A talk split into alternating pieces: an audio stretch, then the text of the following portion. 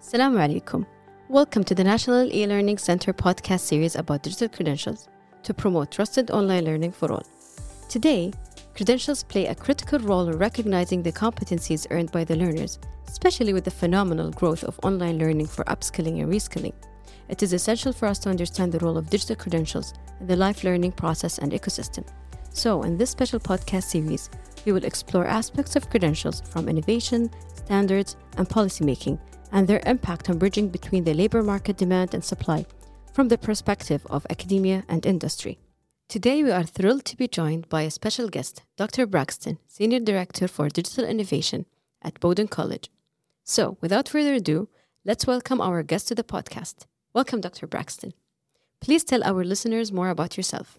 Sure. So, as you mentioned, I'm the Senior Director for Digital Innovation at Bowdoin College. I've served as a task force co lead um, for the Open Badges Extensions for Education initiative, which was uh, the purpose was to identify new extensions for the Open Badges 2.0 specification. Mm-hmm. And I also co chair the Open Badges 3.0 working group and am a member of the Comprehensive Learning Record Working Group. And my current role is co chair of the Digital Credentials Innovation Leadership Network. So, one Ed Tech is kind of my second job. Thank you. We understand that your focus is on providing online learning and teaching operational vision and strategy. How do you see online learning and teaching in comparison to face to face learning and teaching? Yeah, so I was brought to Bowdoin because of my experience in um, online teaching and learning um, at my previous institution, University of Maryland, Baltimore County. And Bowdoin is one of those schools that was traditionally in person. So that expertise was to help to identify effective practices for online teaching and learning. And I think that you all know that a huge piece of any effective teaching, whether it's face to face or online, is a clear, direct assessments that are tied to outcomes and giving students the opportunity to engage with content and activities and experiences that allow them to demonstrate the outcomes, right? So all of this is very related to what we're going to talk about in digital credentialing too, and why it's important. Um, uh, the the key thing about either of those is that you need to allow students to be able to engage with each other, with themselves, with the materials, and facilitate as an instructor to help them to overcome the gaps where they need to as as they're acquiring this new knowledge. Yeah. Definitely. Yeah. From your perspective, what is the importance of recognizing learning, achievements, and skills with digital credentials? Yeah. So I think what we're seeing is that employers employers are also um, now really wanting to be able to have new employees or potential employees articulate their skills and demonstrate them. And so what uh, digital credentials do is they make it really obvious through the metadata that travels with them, all of the information, the criteria, the descriptions, and all of that other information you can put into the credential of what the students can, what they know, what they can do, and what they can articulate to you. And so I think what we've found in working with students is that the digital credentials now give them a way to rethink the skills that they're learning throughout their experiences in college, whether it's in the classroom or outside the classroom, and being able to think beyond the specific context in which they earned that skill or competency and how they can then transfer it or apply it to other um, situations or scenarios.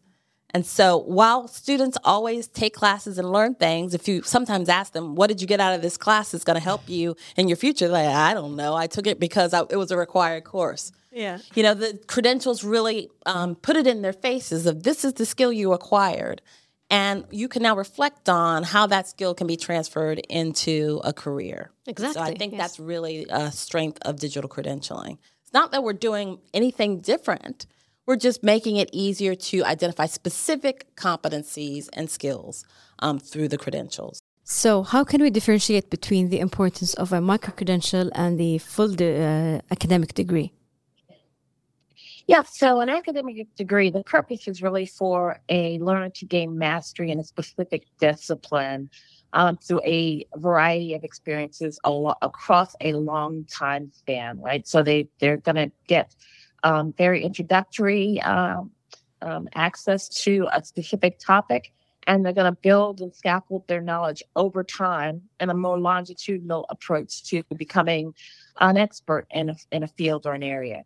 Whereas the micro credential, the goal of those is to provide a, a much shorter in duration opportunity, learning opportunity um, for someone to gain uh, a certain level of competency. It may be um, an introductory um, kind of level of knowledge, depending on the type of micro credential. It could be um, one that gives them uh, more expertise in a field that they're already part of, that may be expanding or um, changing or evolving and allowing them to upskill on the new skills required for that, or maybe an opportunity for someone to try out um, a new field and they're thinking about changing careers. And so they have a, an opportunity to experience a new discipline in a much shorter period of time and to determine if it's something they're interested in or want to pursue even possibly a four year degree in. So I think they both have their spaces. And I think that there are opportunities for people to have both, right? It just depends on where they are in their uh, career or in their learning journey. So, what is your recommendation for educational institutions in general to adopt um, digital credentials? Well, everything's got to be thoughtful and deliberate, right? You've got to figure out what problem are you trying to solve? Who's the audience that you're trying to reach? And then what do you want the outcome of that to be, right? So, you don't just create a credential because, hey, we have a, a cool club and let's just make the cool club credential, right? What are the mm-hmm. students doing in that that's of value to them? And a value to consumers of that credential. So that's the first piece. Be really strategic about the why, because you're also going to have to convince people of the so what, right? I think a lot of this is new to everyone. And so being able to tell the story of why we need credentials and what value it brings to students, the consumers, and others who are going to inter- interact and engage and ingest those credentials is really important. Um, and not trying to do it in a vacuum. This is one of those things that is it requires a lot of people to be involved. Um, the, the, content creators, right? The people who are going to assess the students' mastery of a particular skill. Um, if you're trying to get it on a transcript, the registrar, IT, who can, will be instrumental and critical in setting up the systems that are going to allow you to share and distribute those credentials. So it, you've got to really identify that that key group of stakeholders that can help you to get this work done. And you were in the workshop the other day. I, I yes. said, you know, you need a kind of a credential czar, right? and, and that person is really to set some guardrails about what the expectations for quality and design and consistency are so that when people see your credentials, they will believe and understand that there's trust that they can have in it, that there's quality, and that you've been very deliberate in how you've categorized the levels of achievement through each competency. So you know, there's gotta you gotta really have a strong foundation. And I always tell people you need to have a champion, somebody who is in a position of power um, within your organization, who is going to support you in getting the you know all of these stakeholders involved in supporting the initiatives. What are the challenges?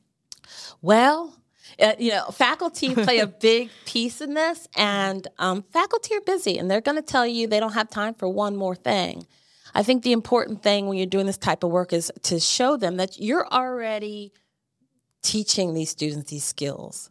It's embedded in your courses. We're not saying add to. We're saying this is a different way of packaging and representing a specific competency that they've gained in your course that is really meaningful to people outside, right? That is it's really demonstrating a transferable skill that employers are going to want to know. In addition to the fact that they took your course, that one skill of critical thinking or whatever it is is something that's key to industry. And so um, it's it's not an either or to the degree; it's an add, and it's a and it's an improvement for the students to the, their entire we'll call it portfolio of learning because it really calls out specific skills that will be important to them. I personally have a question. Yeah. i'm hearing, I'm listening, and everyone's talking about critical thinking. yeah it's like the biggest Yes, um, it's one of it's one of those one of those transferable skills that people like. Yeah, we need to make sure students understand the process. What, what is critical thinking? Really? Critical thinking is I give you a problem. How are you going to analyze that problem, dissect it, mm-hmm. determine how you're going to address it, and then once you come up with a solution, how are you going to convey that to people? So it's really being able to take a problem, think about it, think about the audience that you're trying to help solve a problem and then coming up with solutions. And oftentimes that's critical thinking with others because we don't work in a vacuum when you're employed, right? So, so employers want to know that you can, if you're given a problem, you can think about it, come up with some possible solutions, you know, brainstorm, and you can do it with other people. Yes. That's important. Yeah, it's an important skill. That and collaboration. Often you see um, employers wanting to know where you where did you collaborate? Where did you lead a group in solving a problem? And really, all of that is floating around critical thinking. And it's sometimes difficult to identify Yeah. how you really are a critical thinker Yes. when it comes to, you know, the real life, right real which world. which is why i think you know we talked about it in the workshop those value rubrics where e- there's a definition of critical thinking Mm-hmm. and some criteria and making sure that people know that's how you define it and it's those frameworks that are defining these skills that we need for people to adopt so that when i say critical thinking you say critical thinking we're talking about the same thing Sometimes it's different to and if it is different and if it is that's great because our, our metadata and our badge is going to tell us what our definition is You know, Dr. Braxton, uh, we noticed in the National E-Learning Center this issue. Therefore, I would like to highlight an initiative that we are working on, on unifying the e-learning terminologies. And actually, we published the first batch of terminologies. So going back into the digital badging, I would like to know what are the important things to be mentioned in these digital badges you're talking about? Yeah, so I think the metadata in which you are defining all these terms, right? So everyone is on the same page with what you mean. I think, think that's critical. So in the digital badges where you can describe the what the badge is for, uh, what the criteria uh, the, the learner had to meet to earn the badge um, were all of those areas where you can really explicitly define those terms um, within the metadata that travels with the badge is very important. I think there are so many people working on this work right now. Um, it's kind of like the Tower of Babel when you see how people are defining things. So, in order for us to make sure we're all speaking the same language, we really need to provide that level of detail as we create these micro credentials. Mhm. Um, the one thing I want to be clear on is that when we're talking about digital credentials, we're really referring to micro credentials. I think one of the things that's also confusing to people is they hear people use the term digital badge or digital credential. We're really talking about how do you uh, provide a container for the micro credentials to travel. Right? So the badge is just an artifact that can be associated with the micro credential. So digital credentials are really micro credentials, and the digital piece is just talking about how it is distributed and transmitted from one place to the other. It's in a digital format. Um, so I hope that helps to clarify what we mean when we say digital credentials. We're really talking about micro credentials that can be represented using a digital badge. Thank you, Dr. Braxton. Thanks for listening to the National E-Learning Center podcast with your host Al Hanouf. We hope you enjoyed our episode about recognizing online learning and teaching. To hear more about digital credentials, join us on our next episode. As always, you can visit our website nelc.gov.sa to learn more about our news and don't forget to check our resources page. That's it for now. See you next time.